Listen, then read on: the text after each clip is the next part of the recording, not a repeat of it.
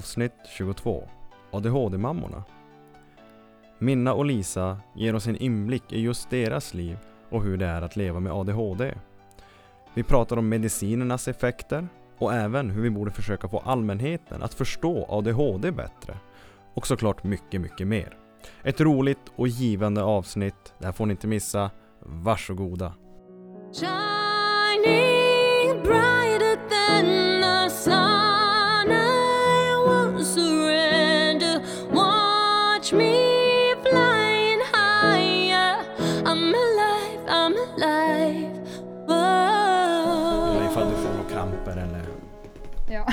Jag vet, ja, man kanske kan få det. Jag har aldrig varit börjar det. föda här.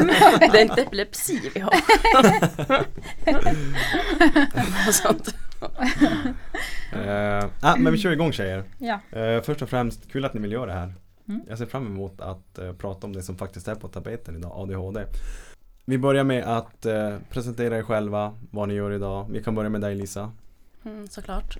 Ja, jag heter Lisa, är 33 år, har ADHD och har två barn. En är åtta år och en är snart tre tror jag. Ja, inte vet jag. Ja, vi kör där. Minna.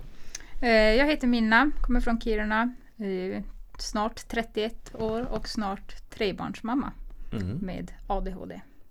Du sitter här nästan, jag höll på att säga höggravid, men det är du inte än. Nej. Nej, man kan tro det eftersom det är tvillingar men jag är bara i vecka 22 än så länge. Mm. Mm. Det känns väl kul? Ja, det känns Grattis jättekul. för det första liksom. Tack så mycket.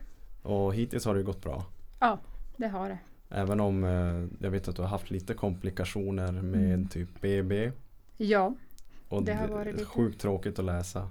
ja, det är ju just det när vi inte har något BB. Det är det som är det stora problemet här i Ja. Kiruna. Eh, Men eh, vi kastar oss in direkt. Ni är ju skaparna av ADHD-mammorna på Instagram. Mm. Eh, Hur kom den idén upp i era huvuden? Det var faktiskt Lisas idé. Det var det kanske. Hur kom den upp i ditt huvud? Nej, men det var, vi pratade ju alltid så jättemånga timmar i telefon och då pratade vi om alla våra problem som ofta kretsar kring ADHD. Mm. Och så var det liksom att oh, vi skulle bara spela in det här för att vi kunde säga ganska roliga saker om ganska hemskt, alltså tråkiga saker i livet. Men ändå gör det ganska komiskt. Mm. Så det var lite så kanske. Ja. Och sen väntade vi på min diagnos för att verkligen verkligen eh, kunna starta någonting för att man kan kunde inte kallas för ADHD-mammorna främst. Okej, ja. Jag tror att många, typ till exempel jag som inte har någon diagnos men typ om man googlar så här bara symptomer för ADHD så kan man typ pricka alla rätt. Men jag har som inte utrett mig själv. Men ni båda har på papper ADHD. Ja. mm. Och hur, hur funkar en sån utredning? Man går och pratar med någon psykolog eller? Man pratar med psykolog, man träffar läkare, sjukgymnast. Eh, var det någon kurator också? Jag var så ung, jag var ju bara 21 när jag gjorde min utredning. Eh, arbetsterapeut. Mhm. Mm. Det är mycket formulär och Bygga med klossar fast man är typ snart 30. Är det sånt? Ja. Ja, mm. De kollar liksom din typ motorik eller koncentrations... ska bygga ett mönster av klossar. Det var, mm. det var problematiskt.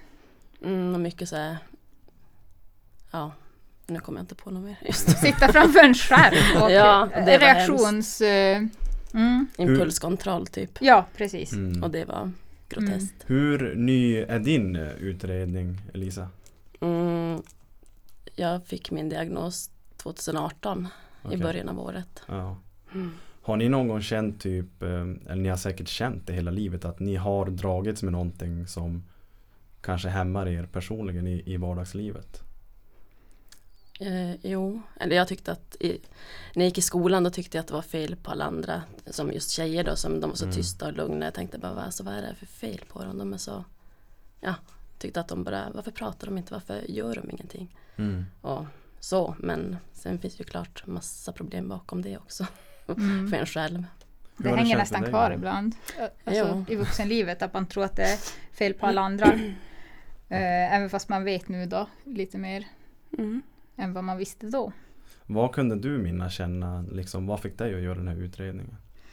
Det var faktiskt min mamma som kände att det inte riktigt allting var inte riktigt som det skulle med mig. Mm. Eh, hon hade ju två andra barn som mina systrar då och jämföra med. Och hon märkte att jag var väldigt annorlunda på många sätt. Eh, Dels i skolan redan eh, och även i det privata livet så. På vilket sätt kan man vara annorlunda om man har ADHD redan i tidig ålder?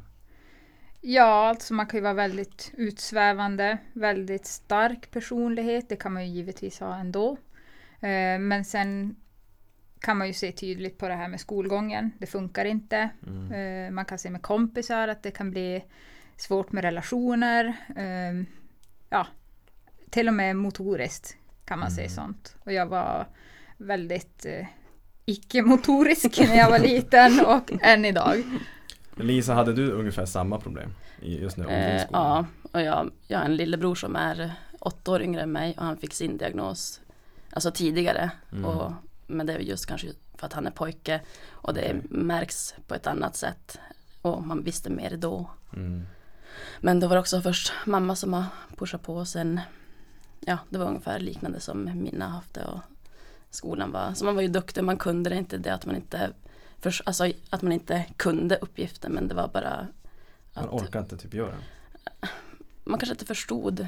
Alltså Mm. man behövde närmare förklaring egentligen mm. på vad som skulle göras. mm, Okej, ja men jag förstår. Och, ja, Är. ADHD genetiskt? Ja. Det är det. Liksom, Mm. Så dina barn Minna kan liksom med stor sannolikhet få det och, sam- och samma med dina Lisa. mm. Eller Vi får ju snart veta det. Milton i Ja, alla fall. Ja. ja, din är ju också... Ja. Har du utrett eh, din äldsta? Nej, inte ännu. Nu vill ju skolan gärna att vi gör det och det vill jag också. För att det kommer ju bara hjälpa honom att ha en diagnos som man kan rätta sig efter och alla kan verkligen förstå vad det är som är frågan med honom. Mm. Och hur känner man som, som, eh, som förälder i det läget när skolan vill att man utreder sitt eget barn? Kan man bli lite fientlig mot skolan? Att man kanske känner att nej men det är inget fel på mitt barn eller?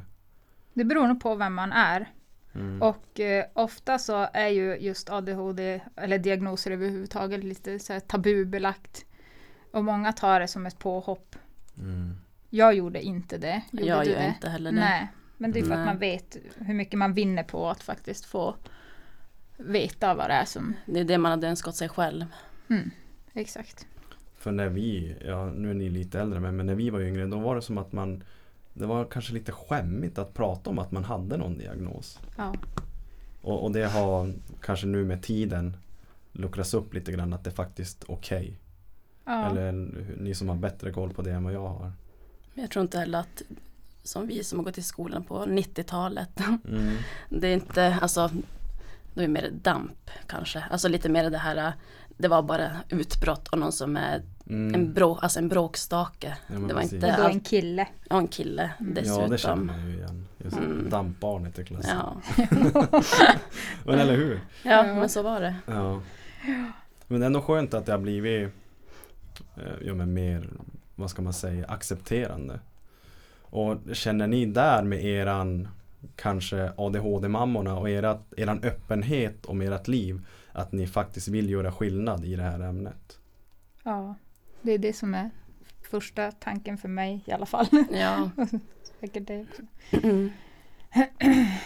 Vad har ni för vidare planer då? Om ni, liksom, ni har ju startat den här, flera hundra följare.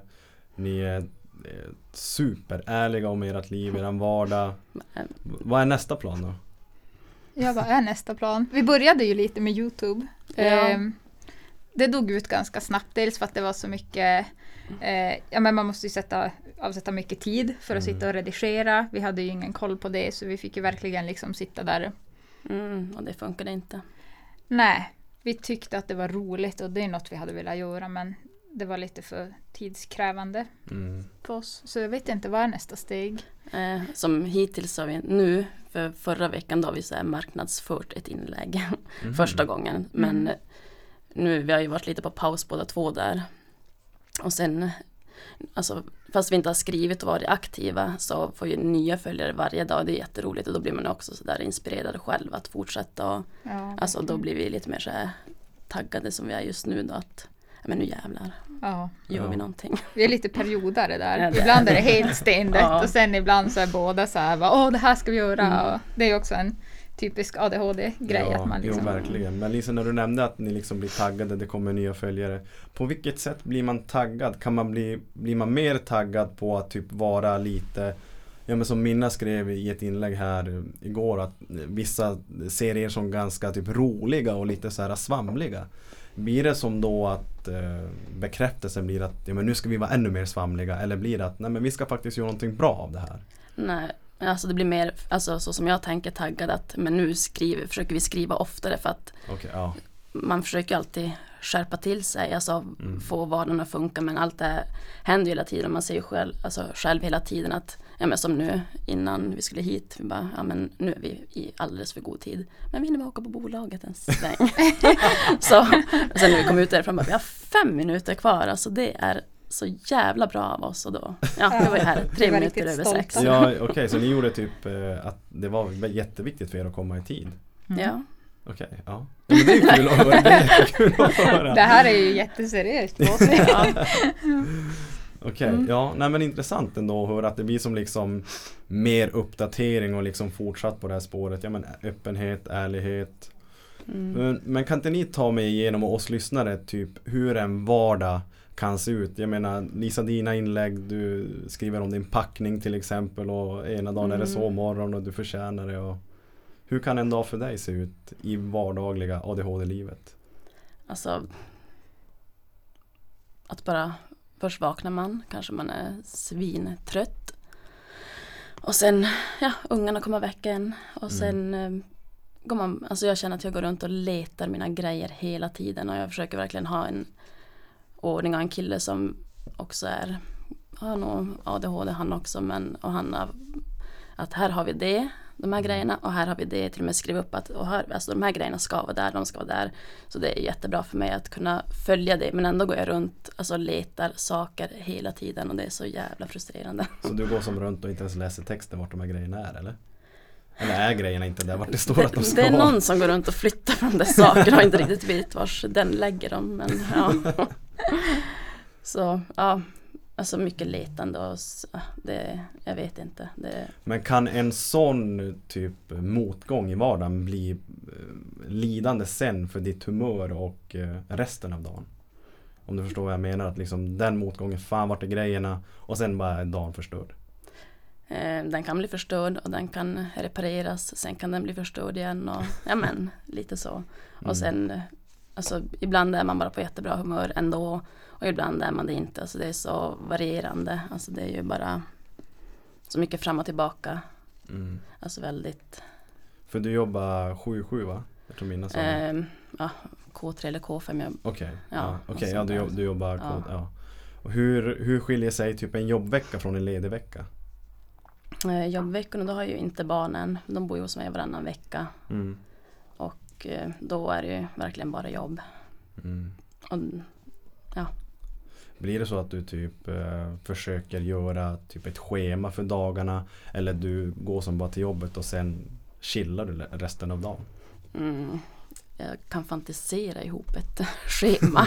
Som du önskar typ att du vill följa? ja, alltså man har väl sina rutiner som man inte riktigt kanske vet om alltid heller att man har. Men Mm. de finns ju där. Men jobbar jag natt till exempel då börjar jag klockan 22 och slutar klockan 06.00. Sen sover man och sen har man lite fritid till att alltså, göra typ hemmasysslor och Mm. bara göra det nödvändigaste. Har jag eftermiddag då jobbar jag Alltså börjar klockan 14 slutar 22. Så Mm. hinner som inte bli så mycket däremellan så det är verkligen bara jobb. Mm. Och sen när jag förmiddag då försöker man väl hänga med på alla andra som har, har dem, alltså måndag, fredags jobb och Ja, vad, saker man, som Har man du, gör då. har du de här tidiga klockan fem förmiddagarna eller börjar Nej, jag börjar sex? klockan sex. Okej, Mm. då kan jag också tänka mig att ja, men, en sån tidig uppstigning och typ lite sömn kan kanske förstöra en dag för dig helt och hållet. Eller Ja. har jag fel där? Eh, inte själv, inte just att jag får för lite sömn. Det ganska, det funkar ändå. Mm. Det värsta att, som jag har haft det senaste året att jag har jättesvårt att vakna. Jag Jaha. har Mm. typ 30 larm och alarm kanske heter. och sen har vi en dammsugarrobot som har fått åka runt i sovrummet. Och det, alltså det är skitsvårt och då kan jag ha sån ångest innan när jag ska, in, alltså när jag ska somna. Att, Mm. Hoppas jag vaknar. Alltså det är ju svinjobbigt att vara så rädd att inte vakna för att man hamnar typ Ja, i koma när man väl sover. Och du hör, du sover igenom varje larm då? Jag eller? gör det. Eller kör du bara snooze? Snooze? Jag tror att jag gör det. Sen tror jag att jag kan sova igenom det också. Okej, Mm. fan vad intressant. Mm. Men eh, Minna, Ja. hur, nu är ju du eh, gravid eh, så din vardag ser ju såklart lite annorlunda ut än vad den gjorde förut. Mm. Men hur kan en dag se ut för dig?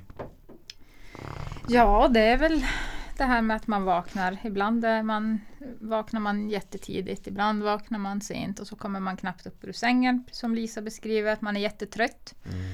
Eh, det var faktiskt en grej som var positivt med att äta medicinerna. Då kom man igång. man kunde alltid förlita sig på dem.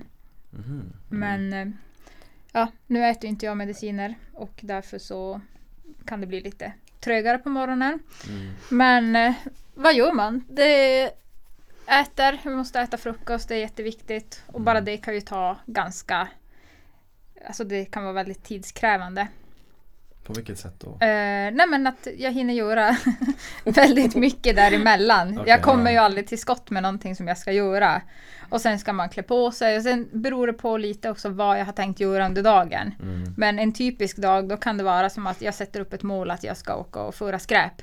Mm. Då är det verkligen det som, ja, jag hinner inte med så mycket annat. För att det, Mm. det tar Ja. sin tid.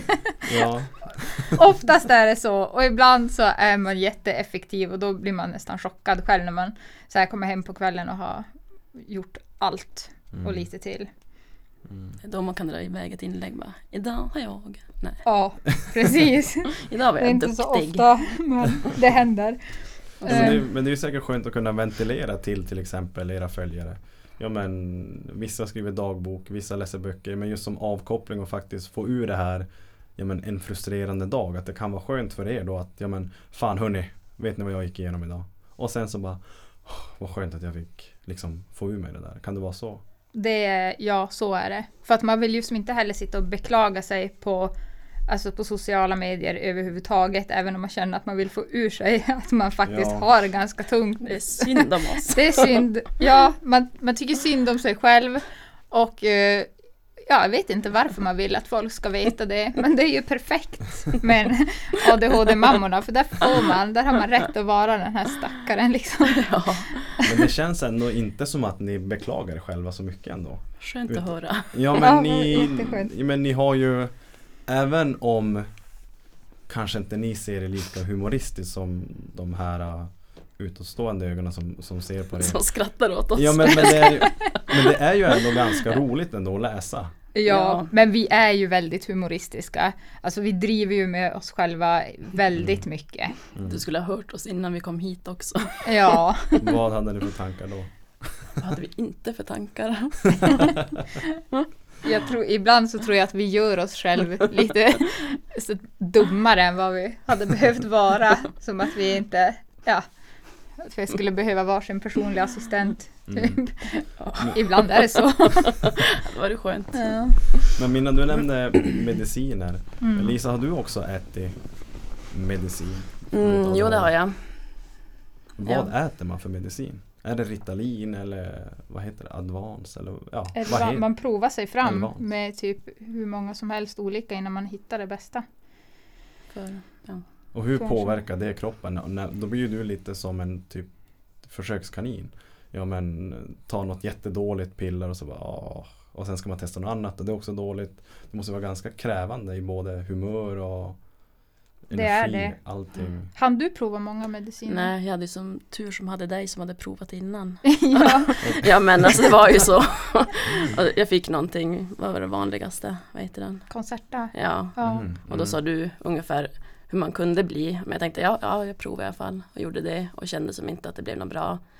Så han, jag, jag hann bara prova den tror jag. Mm. Och sen Det är väl det vanligaste som man fått testa. Jag har provat Stratera också men Elevance det är ju det som har funkat allra bäst. Den är Mm. ganska ny på marknaden. Mm. Ja.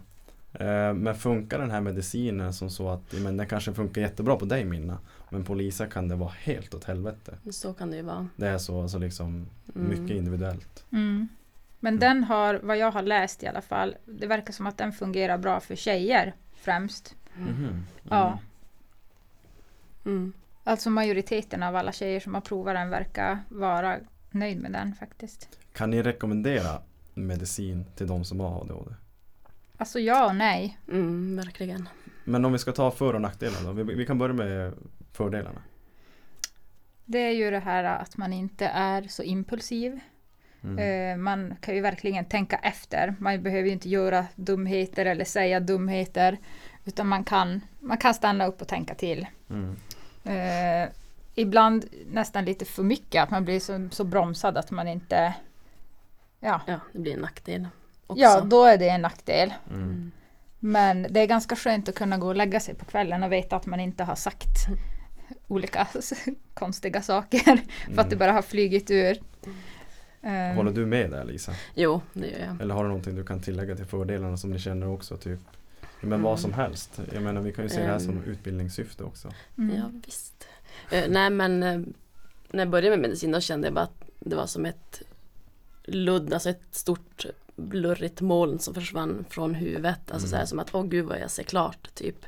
Alltså kunde plus ihop, alltså så här, ett plus ett då. Alltså allt i kring blev mera solklart om man säger så. Och sen att det var lättare att, eh, eller det är lättare att eh, komma till skott med grejer.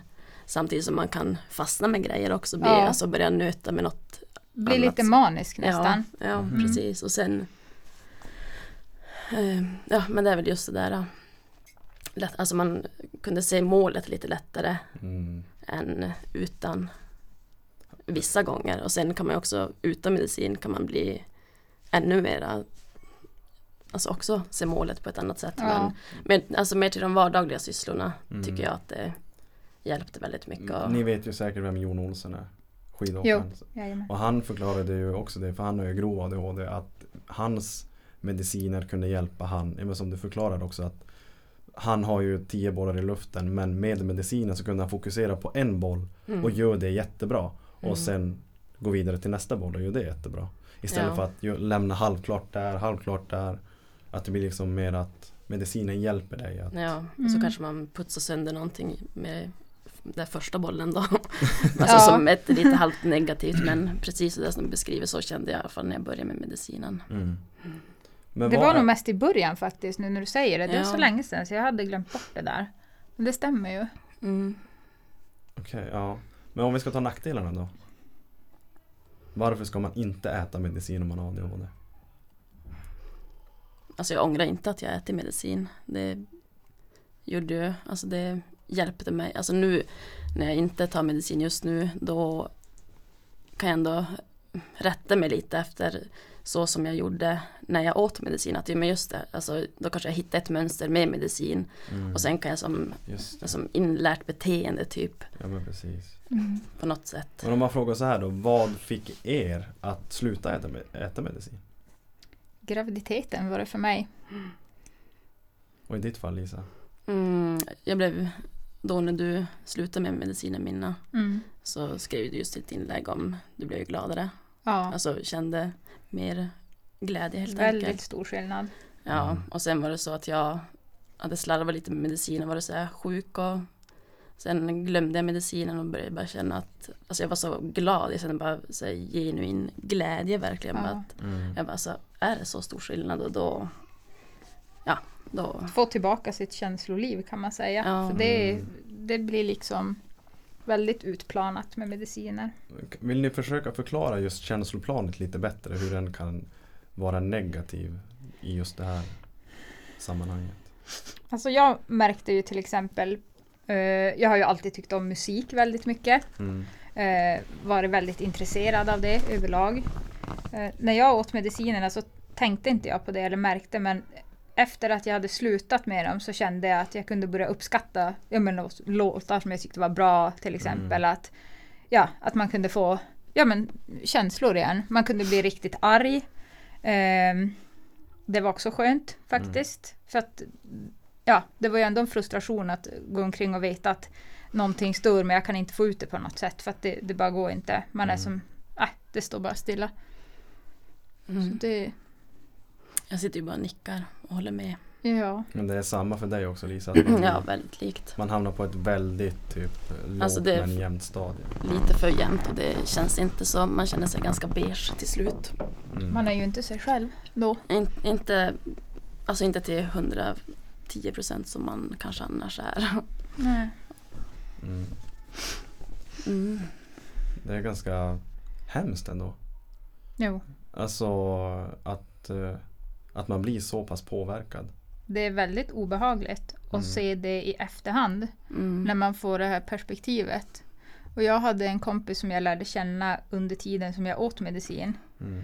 Och eh, när hon skulle beskriva mig som person då sa hon att jag är en fyrkantig person. Mm. Och det var då jag kände att Då blir Nu du är- kränkt. då blev jag kränkt. Det, då var det något som inte stämde. Och det var ju det var just det att det var ju den personen hon hade lärt känna som gick på medicinerna. Mm. Mm. Men Lisa, du nämnde ju också att när du slutade med medicinerna så hade du som nästan ett inlärt beteende. Det är ganska intressant att du säger det, att du faktiskt ja, men, har förståndet att snappa upp att, men vänta nu, att du hejdar dig själv lite grann. Blir det så, är det typ en mogenhetsgrad eller blir det typ att det bara Eh, kommer automatiskt till hjälp av med, medicinerna?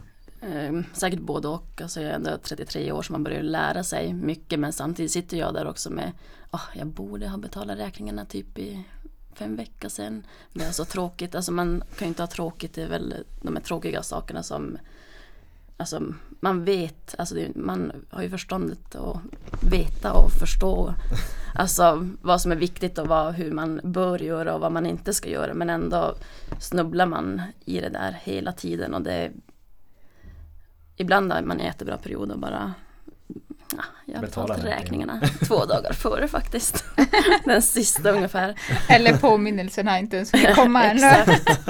Ja, det, är så, alltså det är ju så pinsamt i sig men det är, alltså så är det ju. Och Mm. det, man, lär, alltså man, man vet men ändå kan man bli så jävla Man orkar inte, det är så satans tråkigt så att Man bara nej, det här är Så- mina pengar. jo, så känner jag också. Jag tänker inte ge Mina mina pengar. till någon. Ja men du ska ha det här bredbandet. Jo, Men- men jag vill inte betala. Nej, precis. Men det, det blir inte så att den här uh, typ viktiga känslan väger över att man faktiskt, men jag har ju ändå ett ansvar. ja, Alltså, det som vi brukar säga, mina var, ingen dog ju. Ja, precis. Ingen dog. Men sen kanske det kommer lite, det här är verkligen sista chansen då. Man vet, alltså man vet när man inte kan hålla på. Får man fråga, har ni typ fått betalningsanmärkningar och inkassogrejer på grund av att ni inte har Idas betalar räkningar? inkasso då vet man ju att nu är det dags. Ja, Okej. precis. Det kan vara en sån här sista. Eh, som att nu, nu måste du fan betala för annars det kommer gå åt. eh, betalningsanmärkning det fick jag en gång när jag var 18. Men sen har jag inte fått efter det för det, det tyckte jag var jätteobehagligt. Ja, för det blir ju så tråkiga effekter av det där. Jag menar, lån får man inte ta och det Nej. blir man får inte köpa någonting på Klarna faktura när man vill hålla sina vill man. Nej, precis. Så att, Man har verkligen fått lära Man- sig det. Den ja. hårda och tråkiga vägen. och man vet ju vars, alltså man vet vars gränsen går, alltså bara för att man själv har varit med om Vid det. inkasso. Då, då vet man. Men vad säger Vad ni båda? hemskt. Ni båda är ju sambos idag. Eh, Inte med varandra men ni har ju varsin. men, alltså, Vi har varit det en gång. Ja. men jag tänker just, alltså hur bollar man med sin partner? Alltså det är ju, känner inte typ eran pojkvän att Fan Minna eller Lisa, vi måste typ börja betala i tid de här räkningarna. Eller någonting sånt. Eller skiter ni i vad de säger? Alltså om han skulle säga någonting så hade jag skit i det. Han är så väldigt, eh, alltså han hjälper ju mig jättemycket. Han har gjort upp en budget till mig. Jag skickar över pengar till honom som han sparar. Mhm, Eh, mm, och det, så måste det vara. mm. För annars så går det inte. Han är väldigt uppstyrd just med det här kring ekonomin. Eh, han tycker säkert att det är svinjobbigt med mig, men det är ingenting han har sagt än i alla fall. Men det låter ändå faktiskt eh, bra, alltså liksom vaket av dig att du faktiskt går med på att ja, men skicka över pengar. Mm. För att, för vad hade du gjort om du hade haft dem? Hade du bara slösat dem?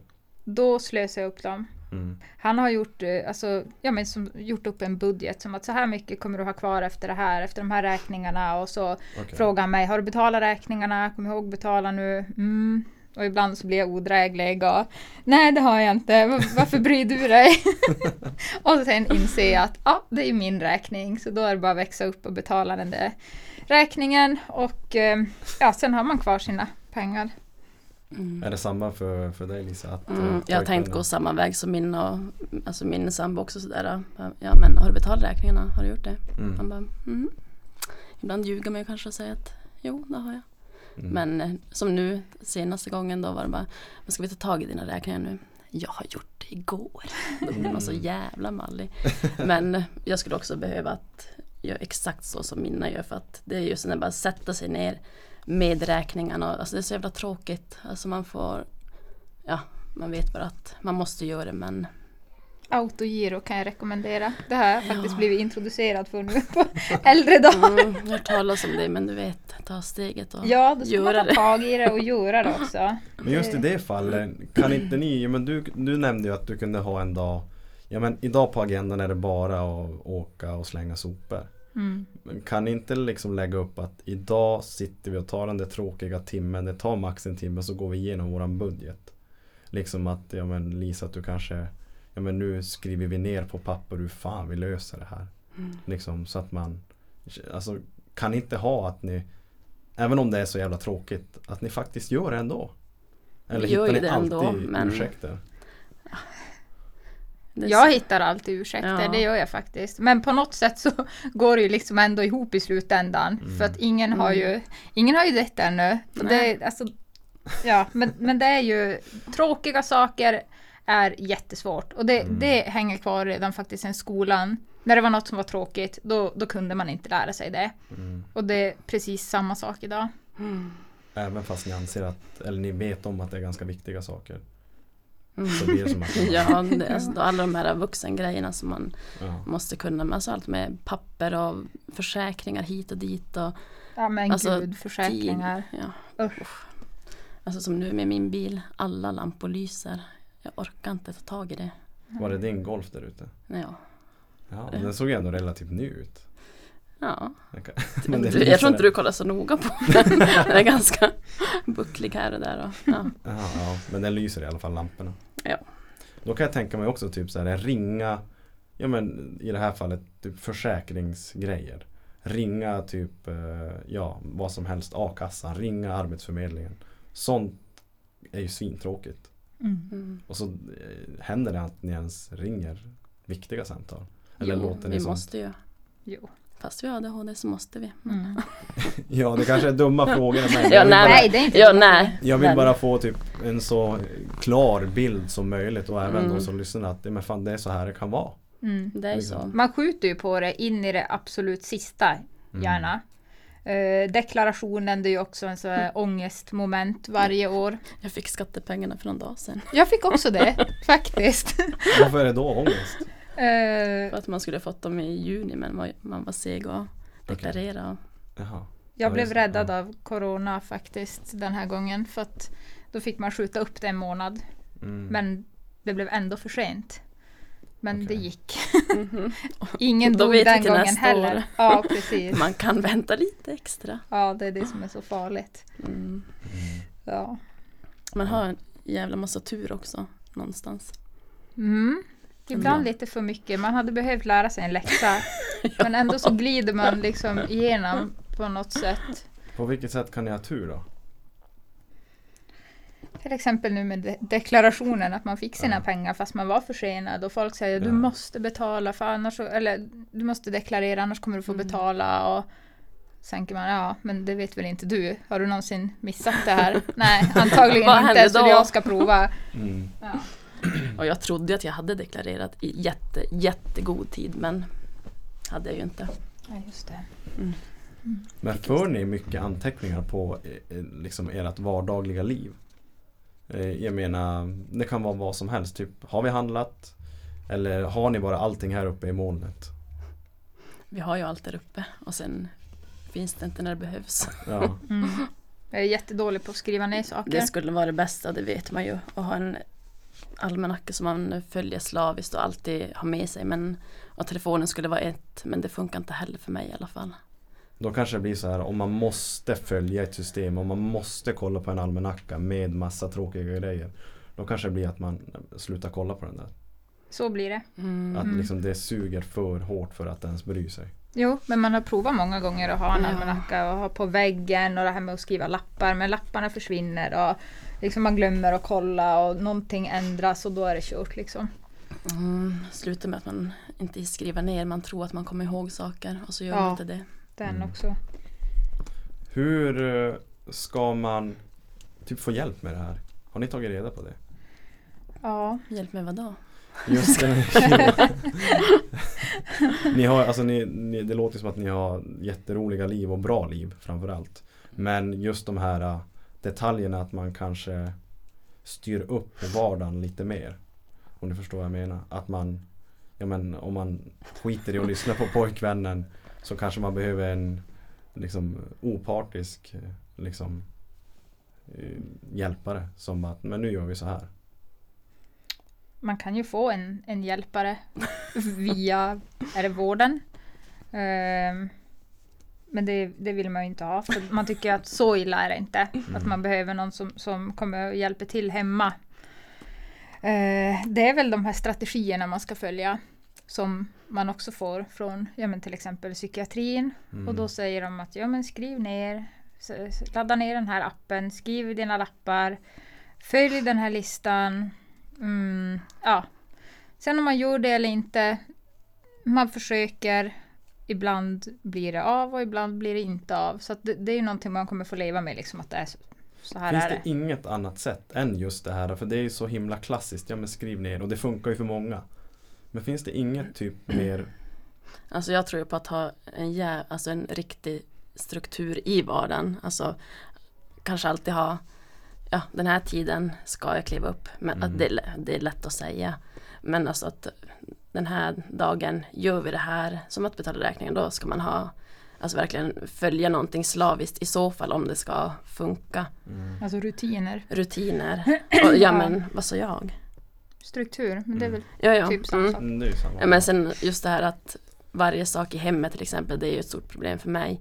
Som jag sa innan, men eh, just att varje sak ska ha sin plats och alltså det blir som, alltså alltid förenkla allting.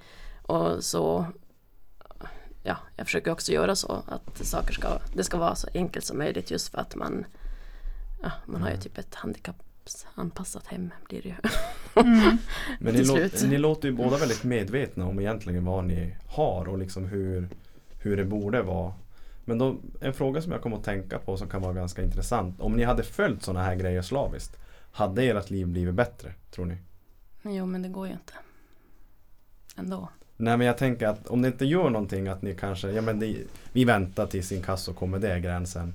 Men alltså, kan, tror ni att ert liv typ hade på något sätt blivit typ lyckligare eller det hade varit bättre för er självkänsla att ni får den här Ja men fan nu betalar vi ju räkningarna när det ska betalas eller Ja, självklart. Alltså det är ju så mycket Mm. ångest också i att halka efter och veta hur mycket Mm, man har att just Vi tänka skrattar på. nu men vi gråter ju också. Ja, nu sitter vi här och, och låtsas att allting är jätteroligt. Men det är ju inte det. Det är ju faktiskt elände också.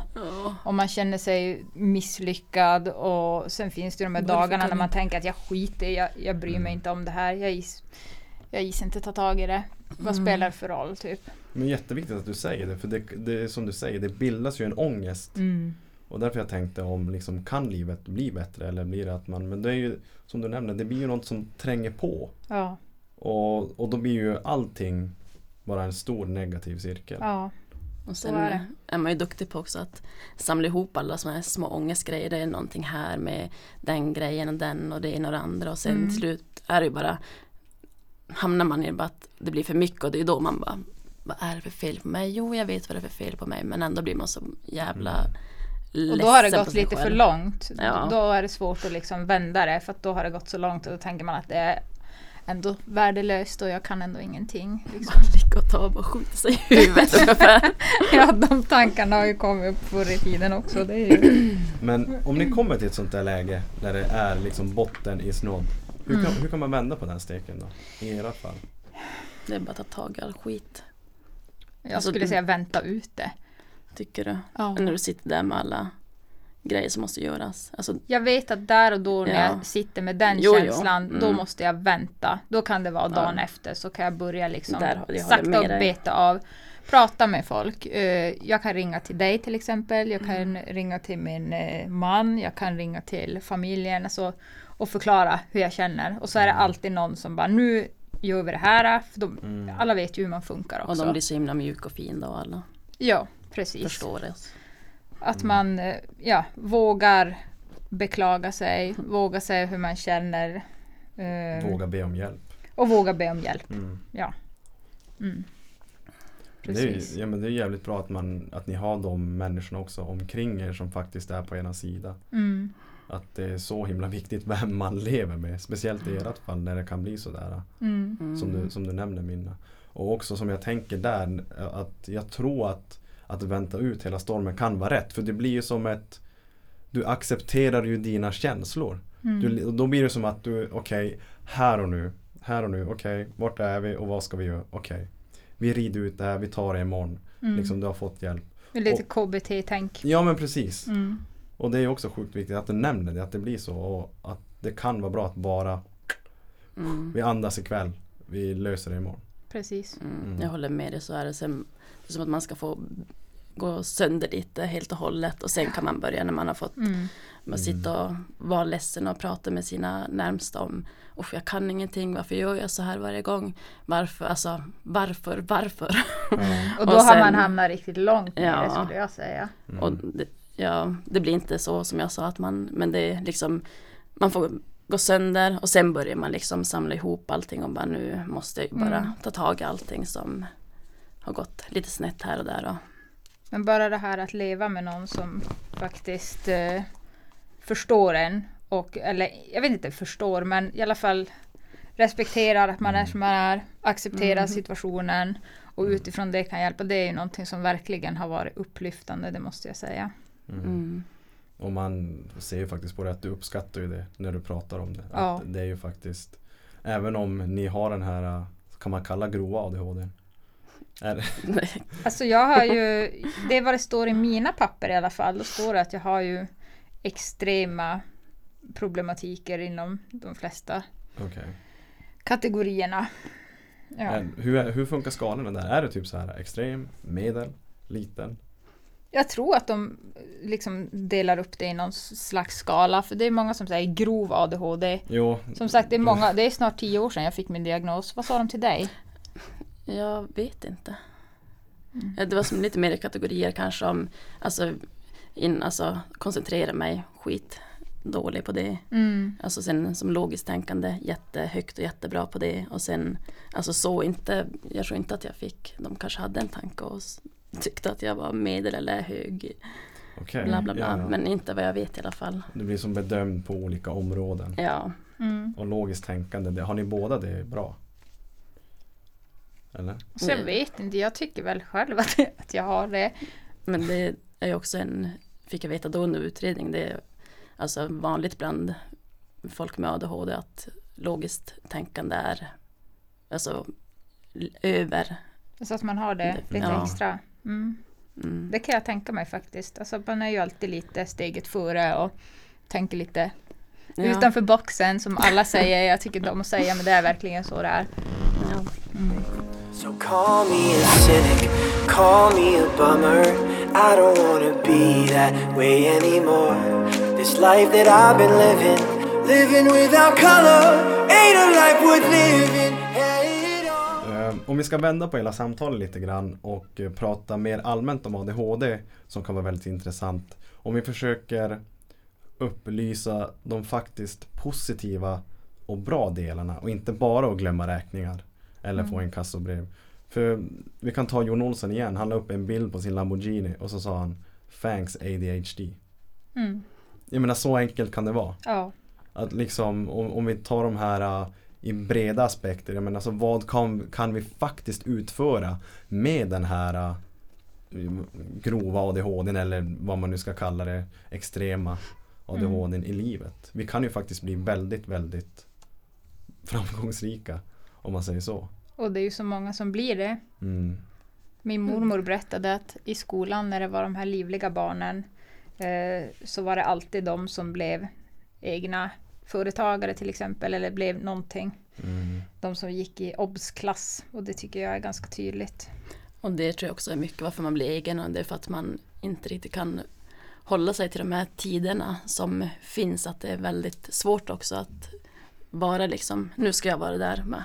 Mm. Ja, Ja, det var, det var smart. Det har jag inte ens tänkt på Mm. faktiskt. alltså, så har jag tänkt på. Jag vill vara min egen chef kanske någon gång för, Ja. att, för att jag ska kunna säga när jag ska börja jobba. Ja men precis, liksom. jag kan tänka mig att man blir den här Alltså det är fan jag som ska bestämma över mig själv, det är ingen Mm. annan som ska göra det. Mm. Och sen att- att bara hitta sin grej i så fall. Alltså, alla kan ju inte kanske sjunga eller ha sin alltså, skidåkning. Och de, de som har hittat sin grej tror jag blir ofta bäst också Mm. på det. Och vi pratade lite om det tidigare också, just man kan bli sådär Ja men det kan bli tunnelseende, man blir nästan manisk på en grej. Vilket kan vara väldigt, väldigt bra. Mm. Ja, för det är ju ofta det som kan leda till de här stordåden. Att man lägger ner all sin tid och energi på att eh, göra det vad man tycker om. Och då Mm. blir det någonting bra av det. Om vi ska försöka ändra på allmänhetens och folks syn på ADHD i, ja, men, i hela bilden. Vad kan vi säga åt dem som kanske inte har den här kollen? Och dra lite förutfattade meningar om ADHD-människor. Först och främst att vara öppen och ta till sig det vad folk har att berätta. Det är Mm. ADHD är ju väldigt vanligt. Det finns eh, minst en elev i varje klass som har ADHD. Man kan läsa på för att få en större förståelse och eh, någonting som jag tycker är jättebra det är att i lärarutbildningen så kommer det ingå mer, alltså den här NPF-delen, att de får liksom specifikt lära sig mer om ADHD, autism och Just Sådana saker. Vad är just det där NPF? eh, ne- neuropsykiatriska funktionsnedsättningar. Mhm, Ja. Långt ord. Ja. Så den ska de liksom skola in ja. för ja. Det ska bli liksom mer, för idag så har inte, jag tror faktiskt att många lärare känner att de inte har alltså den kompetensen som krävs för att, eh, ja, för att kunna hjälpa de här barnen. Mm. Mm. Och det, jag tänker att börjar det där hos lärarna så tror jag att eh, det tror jag är en bra grej faktiskt. Att, En bra start. ja, det är en bra start. För ett barn behöver ju inte vara För ni som lyssnar nu kanske tänker ja men eh, En person med ADHD han får bara raseriutbrott eller han slåss bara men så är ju inte fallet. Jag tänker att ett, AD, ett ADHD-barn kan ju vara den med MVG också. Mm.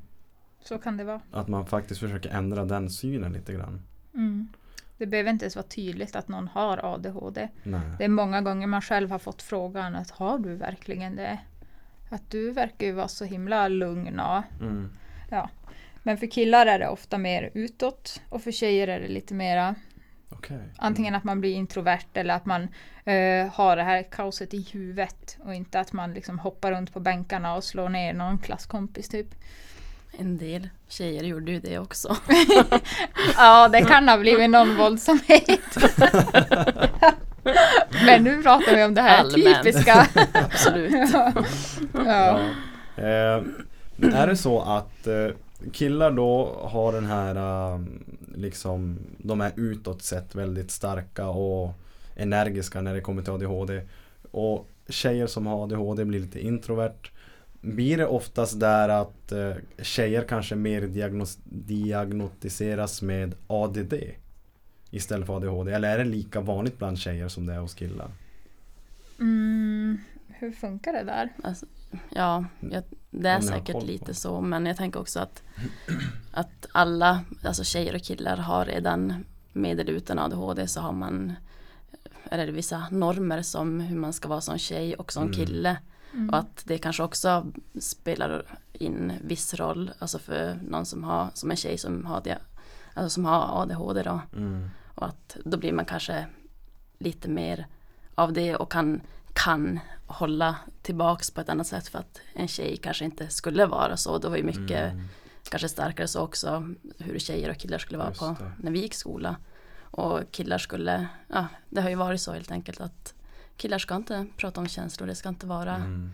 sådär att då kanske det också har fötts ut lite grann att, att killars ADHD syns mer för att Mm. en kille ska vara på ett visst sätt. Har jag tänkt. Jag vet ju inte. Det är ingen. Nej men det är faktiskt en jävligt intressant tanke som Ja. jag alltså, håller helt klart med om. Mm, För det är nog lätt att dra de parallellerna. ja, jag tänker att det kan, det kan ju vara lite så. Ja, absolut. Det lät ju det lät väldigt Det vettigt. känns som att jag Ja. knäckte en nöt här nu. Ja, faktiskt. Vi är helt ställda här. Bra Lisa. Eh, och sen tänker jag också lärarna i just som handskas med barn som har ADHD. Eh, vill lärarna lägga över ansvaret på föräldrarna? Eller tar lärarna ansvar? Eller skickar de bara ut dem ur klassrummet? Jag vill nog säga så här att lärarna handskas inte lika mycket med de här eleverna som till exempel elevassistenterna gör. Mm. Jag har jobbat som elevassistent i några år nu så att jag vet ju hur det ser ut. Och det är ju, ja, läraren ska ju stå där i hela, alltså, och hålla ihop hela klassen och föreläsa. För den kompetensen har man ju inte som elevassistent. Så då blir det absolut, eller automatiskt att man går ut kanske med de här barnen då. Som, För eh, jag har själv också varit elevassistent en lite kortare tid eh, åt en kille som då hade ADHD. mm, Eh, då kände jag den känslan att lärarna, han kunde spela ut lärarna lite grann. Att ja, men, om eh, han inte ides göra alla sidor i matteboken så kommer lärarna, men vet du, gör bara de här talen så är det okej. Är du med? Alltså att han liksom, Mm. han spelar ut dem lite för han vet att de kommer bara be mig göra de här två sidorna. Mm. Och så står jag där Jag är lite emot just det där för det var en, ja han var i åtta års åldern. Jag känner att, ja, men, är man så pass ung så tror jag ändå man kan ha ganska stor påverkan.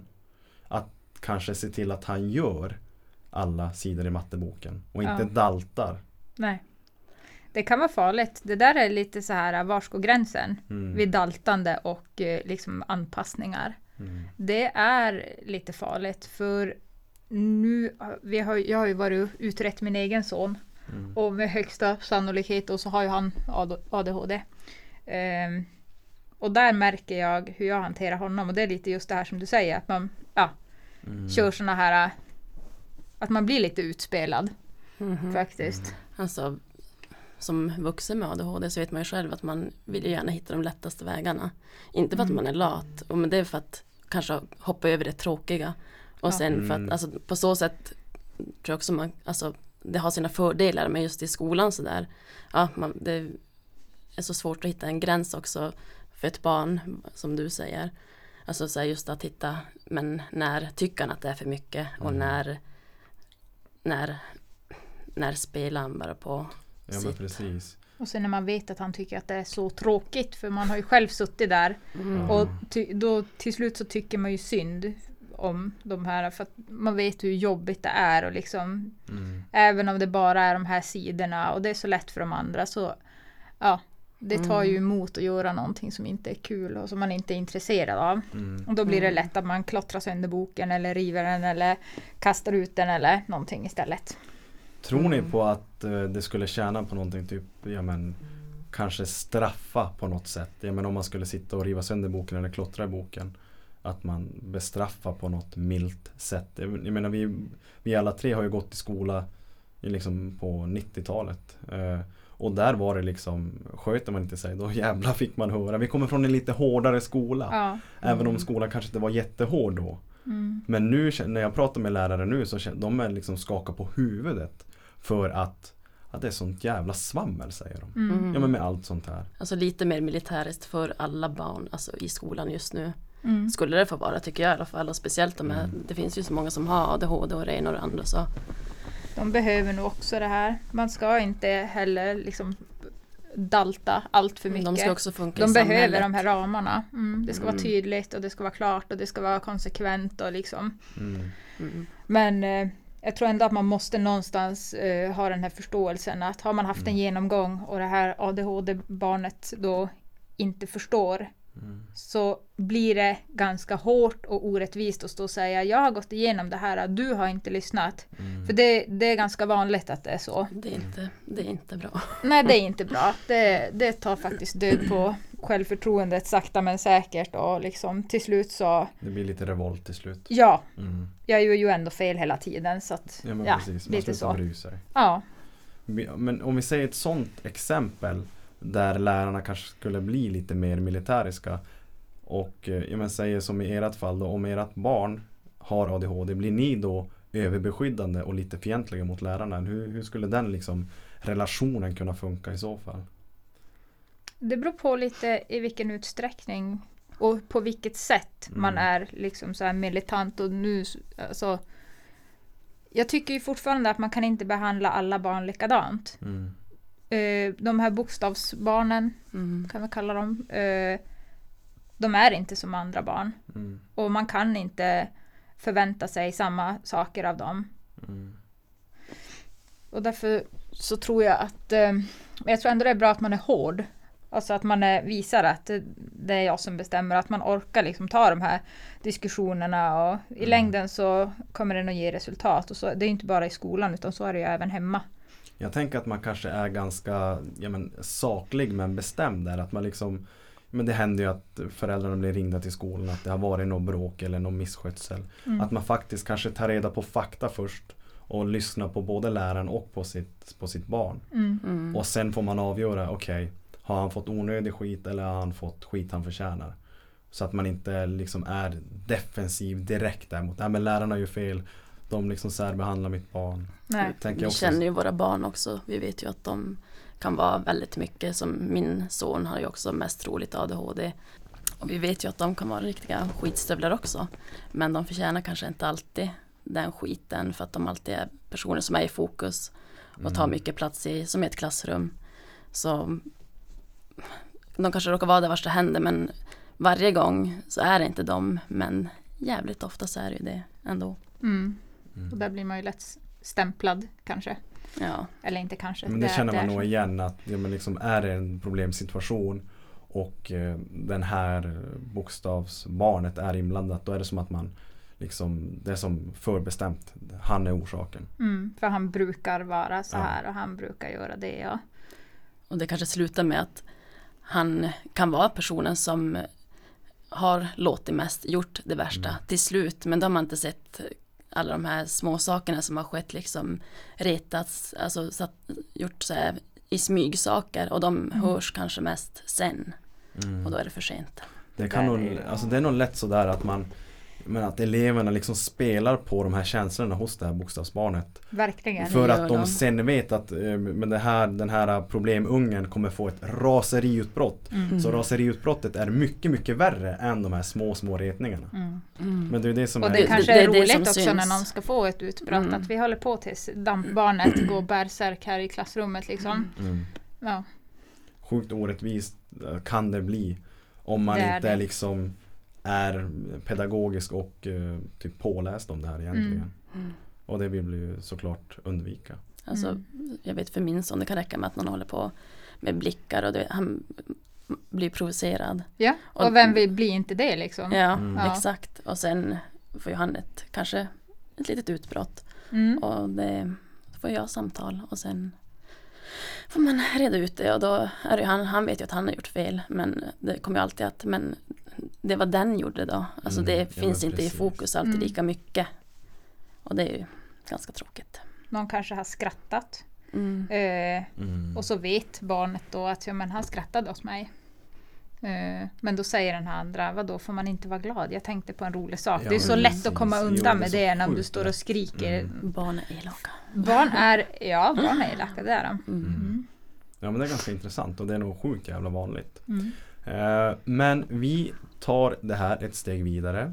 Eh, om vi ska gå in på lite privata grejer, händelser i livet som vi känner att eh, Men det här, det här har fan varit en rejäl motgång. Om, ni, om vi ska utgå från en, eller bortse från våran ADHD. Har ni någonting i livet som ni känner att men fan det här är viktigt att ta upp och liksom och bearbeta och eh, låta lyssnarna få höra.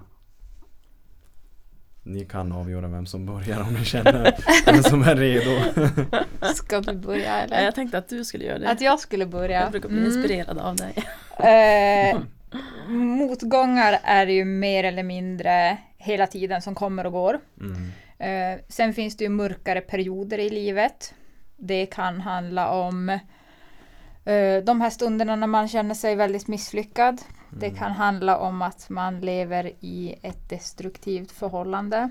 Mm. Det kan handla om eh, Ja, vad kan det mer handla om? Har du någon sån där särskild händelse som är för dig väldigt stark? Som har varit ett rejält slag mot dig liksom? Ja, mitt destruktiva förhållande skulle jag säga. Det Som du har haft. som jag har haft, eh, det har satt i sina spår kan jag säga. Mm.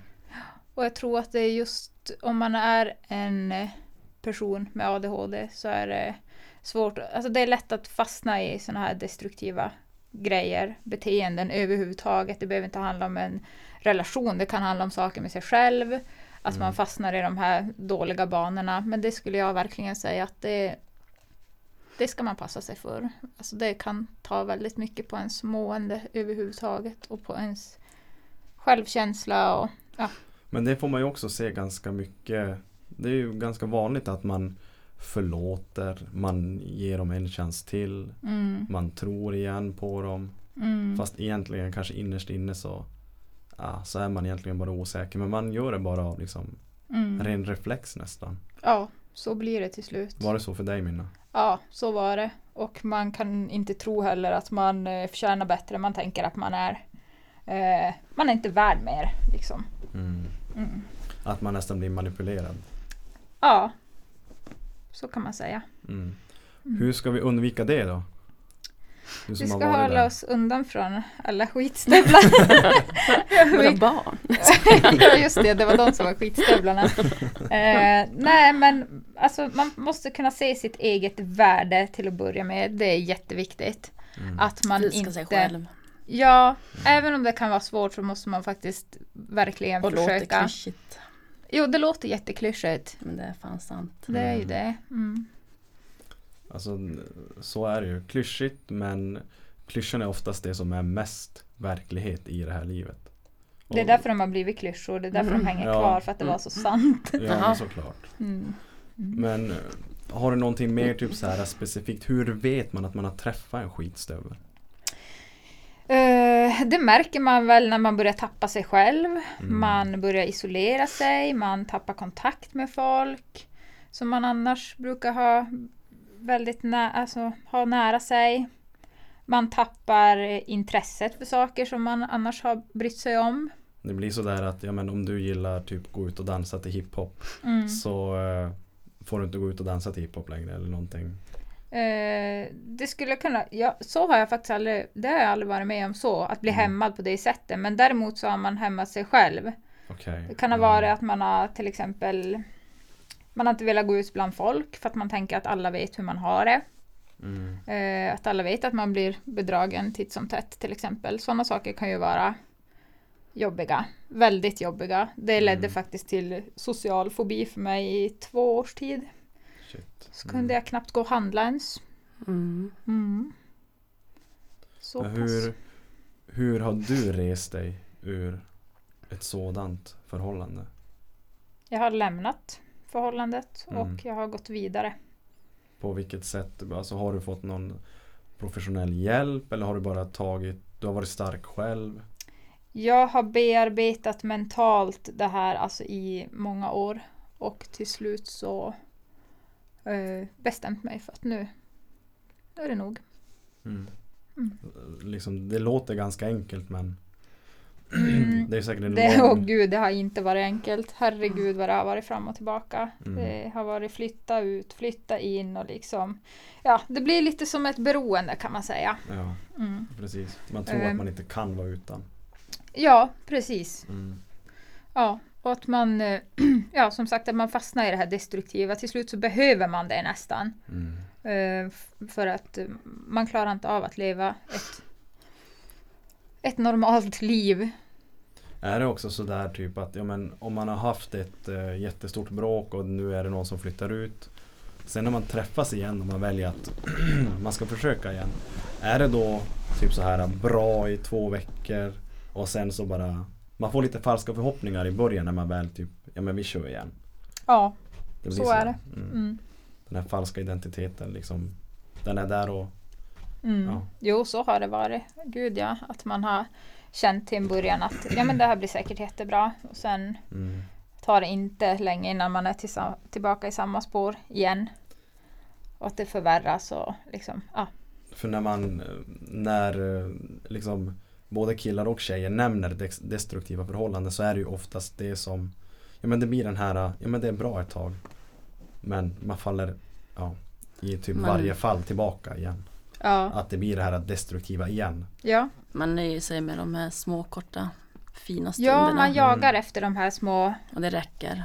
ja. Sorgligt nog. Man lever så länge på de där och eh, tänker att eller ja, man känner liksom att det här gav mig så pass mycket. mm. mm, den här lilla stunden som var bra och den här lilla bekräftelsen som jag fick. Och sen tror jag också det här när man är just eh, om man har en diagnos då har man ju ganska lätt för att klanka ner på sig själv. Mm. Dels för ja, hur det har sett ut hela livet. Man har ju alltså misslyckanden har ju ofta avlöst varann. Mm. Det Eh, börjar ju med skolan kan man ju också. ja, det börjar ju så himla tidigt, redan när man är barn. Mm. Och då tror jag att man liksom någonstans jagar det här då. Om man hamnar i ett destruktivt förhållande så jagar man den här bekräftelsen av den andra personen och så får man inte det men man ska till varje pris ha det liksom. Och där sitter man fast. För att man får ju aldrig det. Så att då ska man fortsätta att jaga det år ut och år. Det låter så dumt. Och det, alltså det, när man ser tillbaka så är det ju det är jättedumt. Ja, jag har ju också varit i ett sämre förhållande. Och även när både du och jag var mitt i det så kunde vi sitta och säga så som vi säger nu efteråt. Mm. Vi visste då också att ja, nu vet jag att han bara kommer vara så här trevlig och fin. Så som man tycker innerst inne någonstans att man vet att man förtjänar det fina. Det kommer väl hålla i sig nu. En vecka högst. Mm. När de hade varit den värsta skitstöveln någonsin. Och då kunde vi ändå säga det. Ja, kunde vi ringa till varandra och säga att ja vad sa jag? Det tog mig en vecka. Alltså, vi Ja. visste ju om det så jävla Jo, men ordentligt det är ju den där insikten, man måste ju ha den. Och det, vi har ju som kunnat stötta varandra också väldigt mycket. Ja. För vi har ju suttit i likadana situationer om man säger så. Så att vi har ju haft vi har ju haft varandra och det har varit jättebra faktiskt. Ja det är nog fan bland det viktigaste i så fall Ja. Och veta att det finns någon som vet hur man har det. För det är också, jag tänker, man kan ju prata om det med en kompis. Visst har jag haft andra kompisar som har varit i destruktiva förhållanden men de har ju kunnat, de har ju kunnat lämna. mm. De har ju inte gått år ut och år in, även om jag vet att man ändå kan bli kvar. Alltså, Mm. Mm. Det är vanligt att sådana som blir ja, men misshandlade till exempel eh, av sina män eller kvinnor, att de inte kan ta sig bort. Mm. Mm. Hur, hur påverkar det här i ditt fall Minna att träffa en ny? Eh, Du sitter här gravid idag så att det har ju gått bra. Ja, Men, och fort. ja, okej, ja. Men hur, hur är den när du ska göra processen om igen fast med en ny kille? Är man liksom full av fördomar eller är du öppen och Jag är väldigt öppen. Och det är som, alltså vad ska jag säga, dag och natt. Jag har ju träffat någon som verkligen är, alltså det är ju någon som har hunnit lyfta upp mig. Vi har varit ihop i, vad blir det, lite drygt ett år. mm, Och han har liksom, han har lyft upp mig från botten eller vad man ska säga. Och på så kort tid liksom. mm, Så att eh, det var, det var nog det bästa som kunde hända faktiskt. Jag tror nog också att när, när man har varit i ett destruktivt förhållande så man är mer snabb på att snappa upp de här typ varningstecknen. Ja, Att man, man är som redan bestämd innan att jag tänker fan inte vara med om det där igen. ja man skyddar sig själv. Mm. Man sätter upp den här liksom. Man ska inte bli lurad på så, något så sätt. jag tror man blir ganska bra på att se vilka Mm. personer är egentligen. Ibland lite för bra. Som, att, som att det, alltså det finns ingenting där och ändå så du ska fan inte tro att jag, att man blir Mm. lite sådär, paranoid så men Mm. ja, jag har ju inte sett några varningssignaler och det känns ju också så skönt att säga. Att det faktiskt till och med har gått så bra. Ja. ja, ni verkar ha det bra i alla fall. Ja. Så det är ju, det, man brukar snabbt få reda på sanningen. Jo, I en sån här liten stad. jo exakt. Ja, exakt. Så att eh, nej, men vi är glada för din skull. Ja, tack. Eh, Lisa, känner Mm. du att du har någon motgång som du vill? Du nämnde ju ett destruktivt förhållande. Men har du någonting, vad som helst som du känner har varit sjukt jobbigt i ditt liv? Som du har tagit? Alltså nu blir jag ju, nu tänker jag mest på mitt gamla förhållande som pappan till mina två barn. Han är en jättefin pappa och, och ingen som jag kan, alltså vi har en jättebra relation idag men Mm. som tillsammans funkade, var inte jag bra för han och han var inte bra för mig. Mm. Men vi var ändå tillsammans i 12 år och jag har ju aldrig riktigt kanske mått så dåligt som jag gjorde då under den Mm. tiden. Och räddningen var ju att först få ett barn och sen den andra räddningen kom som några år senare med andra barnet. På vilket sätt blir det en räddning? För att man blir illa tvungen att ta ansvar och man måste man måste som var bra, man slutar snusa, man slutar festa, man man, med första barnet var det väl att jag behövde bli behövd, typ. Mm. Och så, på så sätt kunde jag vara med honom några år till. Mm. När vi hade varit några år till, vi, ja, vi blev tillsammans när jag var 20 och han 21. Och nu är det ganska exakt ett år sedan som jag verkligen bokstavligt talat tog min väska och gick hemifrån och sa hej då, Mm. nu går jag. Och ehm, Kunde du märka tidigt att det var Men de här varningssignalerna kunde du Se dem efter typ ett år eller en månad? nej, jag såg dem ganska fort nu i efterhand när jag tänker efter i alla fall. Mm. Så jag hade börjat med p-piller, någon nya p-piller kanske. Och jag tänkte att det var det. Jag gjorde en abort och då hade vi varit tillsammans bara några månader. Och det är klart jag blev ledsen och det var jobbigt med det ena och det andra. Men jag trodde att det bara var jag. Men någonstans var det nog ganska mycket han också som inte alls kunde se mig. Mm. Och eh, inte alltid var så himla schysst och brydde sig kanske inte så mycket som man borde göra med någon som man lever med. Har den här aborten påverkat dig eh, negativt? Jag vet ju inte hur det är att göra en abort men liksom Jag kan tänka mig att det är mycket som försiggår i huvudet, i kroppen och liksom hur det sen utspelar sig med sin partner. Mm, vi hade ju varit tillsammans så kort tid då och eh, det var en tidig abort. Alltså just då var det inte så farligt, alltså så här jätte sorgset. Men sen när jag fick mitt första barn då kände jag lite, då fick jag en annan känsla om det. Då tyckte jag att det kändes mer som att ja, det var chansen för det där barnet att komma. Men jag tog bort det. Så det kom ju senare på så sätt. Mm. Men ja, det är ju aldrig, det var inte roligt där och då heller men var, jag tog det lite mera lätt då. Mm. Har du lite liknande minne också att det har varit det här där man flyttar ut, man flyttar in, man flyttar ut, man flyttar in? Ja, alltså så många gånger som jag packade min väska. Är det så? Ja, och det var alltså i stundens hetta hade det funnits ett annat hem som jag hade kunnat gå till, alltså en, att jag hade haft en egen lägenhet någonstans. Vi flyttade ihop ganska tidigt också. Mm. Man trodde att när man är 20 så då ska man ju ha allting på en gång och ja, skitsamma. Men hade jag haft alltså, en lägenhet att gå till alla gånger så hade jag ju flyttat ut väldigt, alltså då hade jag ju flyttat ut på riktigt varje gång. För Mm. att så känner man ju när man är förbannad och ledsen och kränkt och sårad och allt vad man nu kan känna så då tar, alltså man känner bara att nej, nu, och det har nog mycket med ADHD att göra antagligen också. Och man kanske inte var den lättaste att leva med heller, det förstår jag också. Men ja, Men om man vill så jävla gärna flytta ut, det blir inte Jag kan tänka, jag hade nog fan ringt hela kontaktlistan, alltså hörru jag måste ha någonstans att slagga typ en månad Blir det inte så att man försöker lösa det typ ändå? Mm. Alltså, an, alltså man fiskar väl kanske då också efter att få just det som Minna berättade om den här bekräftelsen Mm. som man vill ha. Ja, Man vill ju såklart då att, att han skulle säga att Mm. åk inte, lämna inte mig. Jag kan inte Ja. vara utan dig och då bara, åh, jag kommer tillbaka. Mm. Det är väl klart jag ska packa upp de här plaggen nu som jag fan har. Ja, det är så jävla patetiskt. Man bara just har lyckats, lyckats vika ihop allt och sen är man så förbannad, river ner allt och sen dagen efter bara varför drog jag ner allt? Men det har ju hänt väldigt många gånger. Vad fick dig då, som du sa tidigare, att bara Ja, till slut så tog du ditt pickback och drog. Ja, nej, att det jag har också bearbetat att eh, vi gjorde slut någon gång när vår första son var två år och då, då vi, alltså jävla synkade jag och Minna i livet så att då bodde faktiskt jag och Minna tillsammans i en, Sommar. ja. Mm. mm, då bodde vi med våra två pojkar då.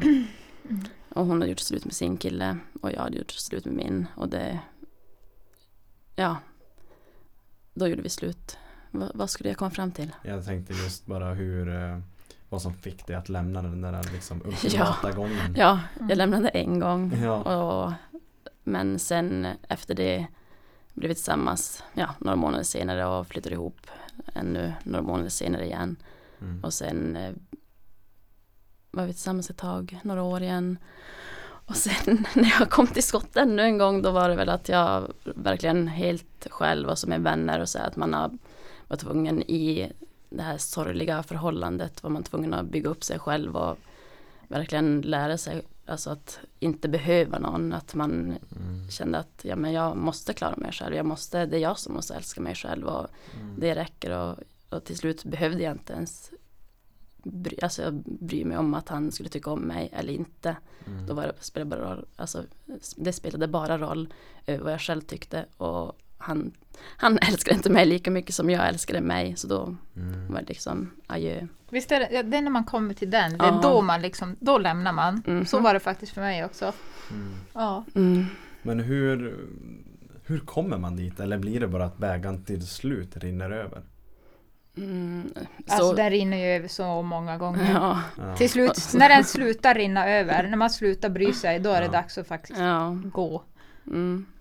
För att det, det är ju sådär, man, det tar alltså flera gånger som det bara Det här var droppen, nej men det här var droppen, nej detta Mm. var droppen. Nu har du varit otrogen 25 gånger, nu var det droppen. Och nu har jag varit otrogen. Så att, är det droppen? Ja, nej. exakt. Okej, jag stannar. Ja, jag är också en skitstövel. Ja, gud ja. Men ja, Jag menar inte det att du är det, jag menar att jag är, jag är också. jag fattade det. ja, Men jag tänker för det, kommer, det krävs ju ändå efter så många år och så mycket påfrestning att eh, bygga upp sig själv igen. Det, Mm. det jag vill komma till är väl att hur bygger vi upp oss själva efter, ett, efter sådana motgångar? Ständiga motgångar i livet med sin partner. alltså, min, alltså jag tror att många kan som har haft, nu har inte, nu har inte jag blivit misshandlad eller alltså mer än psykiskt så här, och jag har inte heller varit mycket bättre flickvän då heller. Men eh, alltså, jag, jag kan förstå att någon lämnar till slut när det verkligen blir jätteallvarligt. Mm. Alltså när det är jättedåligt och att man är, att man är i spillror när man lämnar. Jag tror inte att alla kanske hinner bygga upp sig när man Mm. lämnar så som jag till exempel gjorde. Okej, så Och- du hade hunnit redan? Jag hade hunnit och jag var liksom mitt starkaste någonsin och var bara att Mm. jag behöver inte dig. Mm. Mm. Hade du någon typ punkt där du kände att men liksom, nu vänder det? Nu är det bara jag, me, myself and I och ungarna. Jo, no, alltså det var som inte något speciellt. Ja, jag träffade en kille som vi, han som är tillsammans med nu. Men eh, vi träffades bara så här på ett bröllop och det bara, Klickade. vi, ja det klickade verkligen och det, vi gjorde ingenting fysiskt, vi pratade bara och det var verkligen bara någon som, ja det bara blev Han en vändning. han fanns där och han såg mig, förstod mig och det var faktiskt när jag nämnde om våran Instagram Mm. ADHD-mammorna som han också alltså nappade bara då liksom bara jaha alltså då Mm. förstod jag att så som mitt ex då han var kanske mer att ja men skriver du där igen Mm. men som jag nämnde om våran Instagram då blev ja, min nuvarande kille då han blev ju väldigt intresserad och kände jag att han förstår mig Mm. redan nu.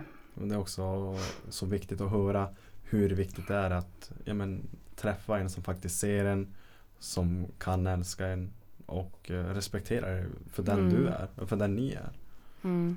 Alltså det är ju så sjukt, sjukt viktigt. Speciellt när man kommer från ett sånt förhållande som ni båda kommer ifrån. Mm.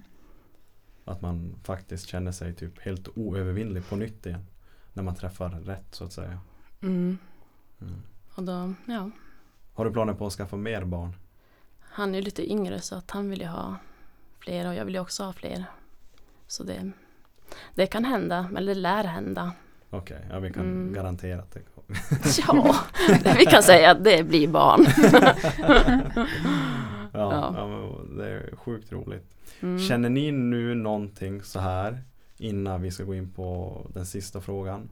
Att ni vill ta upp någonting om ADHD eller liksom motgångar eller medgångar som folk borde höra, tips eller tricks?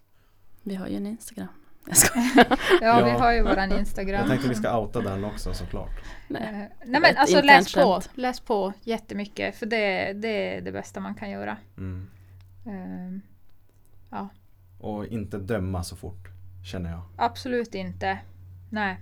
Och Nej. det ska man, man ska inte döma någon överhuvudtaget Absolut så fort. Ehm, och sen till de här äh, stackarna som går omkring och känner att kan jag eventuellt ha en diagnos, jag tror att jag har det. Ta tag i det, gör en utredning och liksom, för Mm. det, det är till så stor hjälp.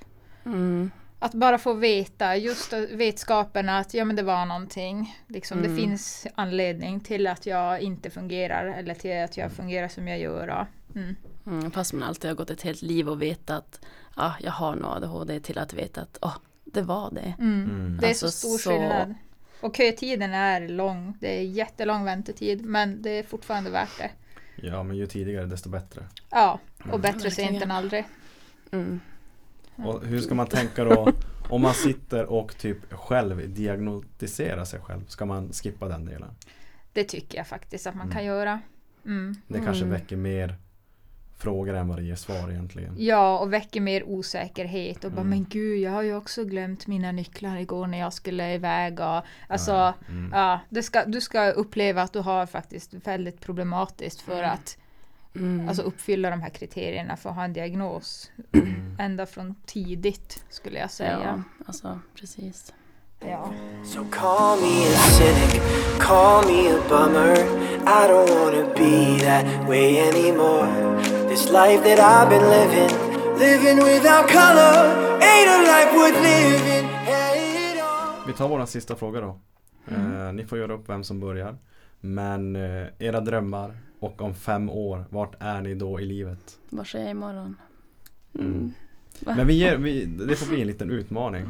Men alltså alla har vi ju drömmar. Det, ni kanske drömmer om att bo utomlands eller tjäna massa pengar. Det kan vara hur stor dröm som helst. Men eh, dela dem med oss. Och så sikta på ungefär fem år. Ja, i Lisas fall så är det en till unge i alla fall. Ja, för mina då, det är två. Ja, det är jag. Det är De kommer jag få, så det är ingen Ja. dröm, utan de kommer. Mardröm. Ja, det kan bli en mardröm. Jag är så enkel så jag kan bara tänka, åh, jag vill bara alltså det här är skittråkigt. Alltså jag tänker nog exakt samma men kör. Typ att, ja, friska barn, ett Mm. hem, eh, ja, tillräckligt med pengar så vi klarar oss, eh, en, en trogen man Snälla, tror som inte kränker mig. Nej men, eh, alltså det är typ det. Ett jobb som jag trivs med, det känns också viktigt. mm. Så tråkig har jag blivit faktiskt. Men vad skulle det kunna vara för jobb då? Som du trivs med? Alltså nu siktar jag ju på att ta C-kort och börja köra lastbil och det är ju inte det jag har drömt om. Jag har ju velat bli sångerska hela mitt liv men ja, man måste ju vara lite realistisk också. Men, alltså, Men sen hoppas jag att vi kan utveckla den här, eh, alltså ADHD-mammorna Mm. till någonting. Mm. Men då var det ju det, vad ska vi göra med den? Mm. Men Då får ni väl Mm. börja med det där och lägga upp en plan. Ungefär. Och sen om ni har den på papper eller i molnet. Det, men börja där i alla fall. Ja. Sätta upp en vision Precis. av vad man vill åstadkomma. Mm. Mm. Lisa, vad har du för drömmar? Nej, jag är också väldigt simpelt. Det kanske också låter så här lite tråkigt då, men jag vill också, jag vill bara ha ett jävligt enkelt liv och jag vill bara, som min också säger, bara ha tillräckligt med pengar. Att man, ja, bara så här, ja men jag jobbar, jag tjänar mina egna pengar Mm. och jag vill, som nu vi bor i hus och jag vill bara ha allting, vi bor vid skog och vatten och så trivs jag. Jag tycker Alltså jag vill ha en liten lättare, en enkel typ hemmabyggd lekpark till barnen. Mm. Jag vill att vi ska bara ha en eh, trevlig uteplats som man kan sitta i alla årstider. Och så man kan vara ute och liksom bara äh, familjegrejer Ja. och bara slippa söka allting hela tiden. Nej men bara ha det jävligt simpelt. Mm. Gud vilka gamla mammor vi har blivit. Ja. men det är okej. Ja, det är jättebra. Ja men det låter ändå som att era drömmar och planer är ju inte Alltså det låter ju väldigt eh, Ni kommer ju uppnå det bara ni vill Alltså det, lå- Ja. det låter inte omöjligt med andra ord. Som ett vanligt Svenssonliv egentligen Ja. nu när man tänker Nej men efter. efter att vi, alltså båda har levt ganska kaosigt ända från, eh, alltså egentligen sen vi båda föddes. Mm. Har vi ju Mm. haft ett väldigt, eh, lite, ganska mycket trauman och mycket upp och ner så då Mm. är det. Ja gud ja, bara familjesituationerna har ju varit Ja. med missbruk och det har varit alltså ja. Okej, ja. ja Mm. Så att vi, vi det är Vi väl det vi lugn och ro. Ja, lugn och ro. Det, man kräver sista inte så mycket tiden i mer. livet. Sista tiden, Ja. sista 60 åren Men men har man sådana där dåliga år, alltså åren känns ju sjukt långa Och det sätter sina spår, alltså hårdare än ett bra år gör Jag tycker alltså de dåliga åren har nästan försvunnit. Alltså det, blackout. mm. Jag kan ha så här, flera år som är borta som jag inte kommer ihåg. När Mm. någon frågar, kommer du ihåg när vi gjorde det här? Nej. Mm. För att så dåligt har man mått. Mm. Alltså vissa långa perioder att man kommer inte ens ihåg mm. vad man gjorde den tiden. Mm. Mm. Ja, men jag köper era planer Det låter fullt rimliga och fullt eh, möjliga att åstadkomma Prova om fem år och se om vi kommer dit. Ja. Om fem år kanske ni är svin jävla stora med ADHD-mammorna Mm. Så att alla podcaster ringer er och bara hörni får ni Man betalt. vet aldrig. Mm. Men uh, outar eran eh, Instagram, vad heter ni där? ADHD-mammorna. Ihop bara. Kort och gott. Jajamän. Mm. Och ni, hur är eran eh, typ kontakt? Alltså om folk vill efter det här avsnittet kanske veta mer om er eller lära känna er eller få hjälp bara. Är ni snälla och svarar eller? Ja, det är vi. Mm. Det är faktiskt många som skriver till oss. Jättemånga, alltså Eh. sjukt mycket. Ja. Det är jätteroligt. Vi Mm. tycker att det är alltså, kul att kunna hjälpa till och Mm. Alltså bara Det är jättekul när, någon skri- det, när folk skriver till oss och Mm. frågar och vilka mediciner vi har haft och vad man Mm. Alltså, all, alltså allt möjligt och sen alltså bara det och sen bara en gilla-markering på ett inlägg. Alltså det blir så där en boost att bara fortsätta. ja, Mm. det Mera. känns jätteroligt faktiskt. Ja, det är bra. Jag tycker folket ska veta ändå att ni faktiskt är snälla och medgörliga. Ni, ni vill hjälpa, ni vill göra skillnad. Ja, gud Mm. ja. Och det är Det så är lite det viktigt. som är målet faktiskt med Ja. den här. Mm. Ja. Så jag får tacka för eran medverkan. Eh, sjukt lärorikt och jag hoppas de som också har lyssnat har fått lära sig att så här kan det vara att ha ADHD. Det är fan inte lätt alla dagar. Nej, Det känns ändå som att vi inte sa så mycket. vi berättade lite allmänt. Så. Tack Ja. själv. Ja, Ja. kul att komma hit. Ja, men Ja, sjukt kul att ni vill göra det här. Det är min ära liksom. Det är sjukt roligt. Tack. Så vi avslutar med de orden. Så på återseende och hej då! Hej då! Hej då! Shining brighter than the sun I won't surrender Watch me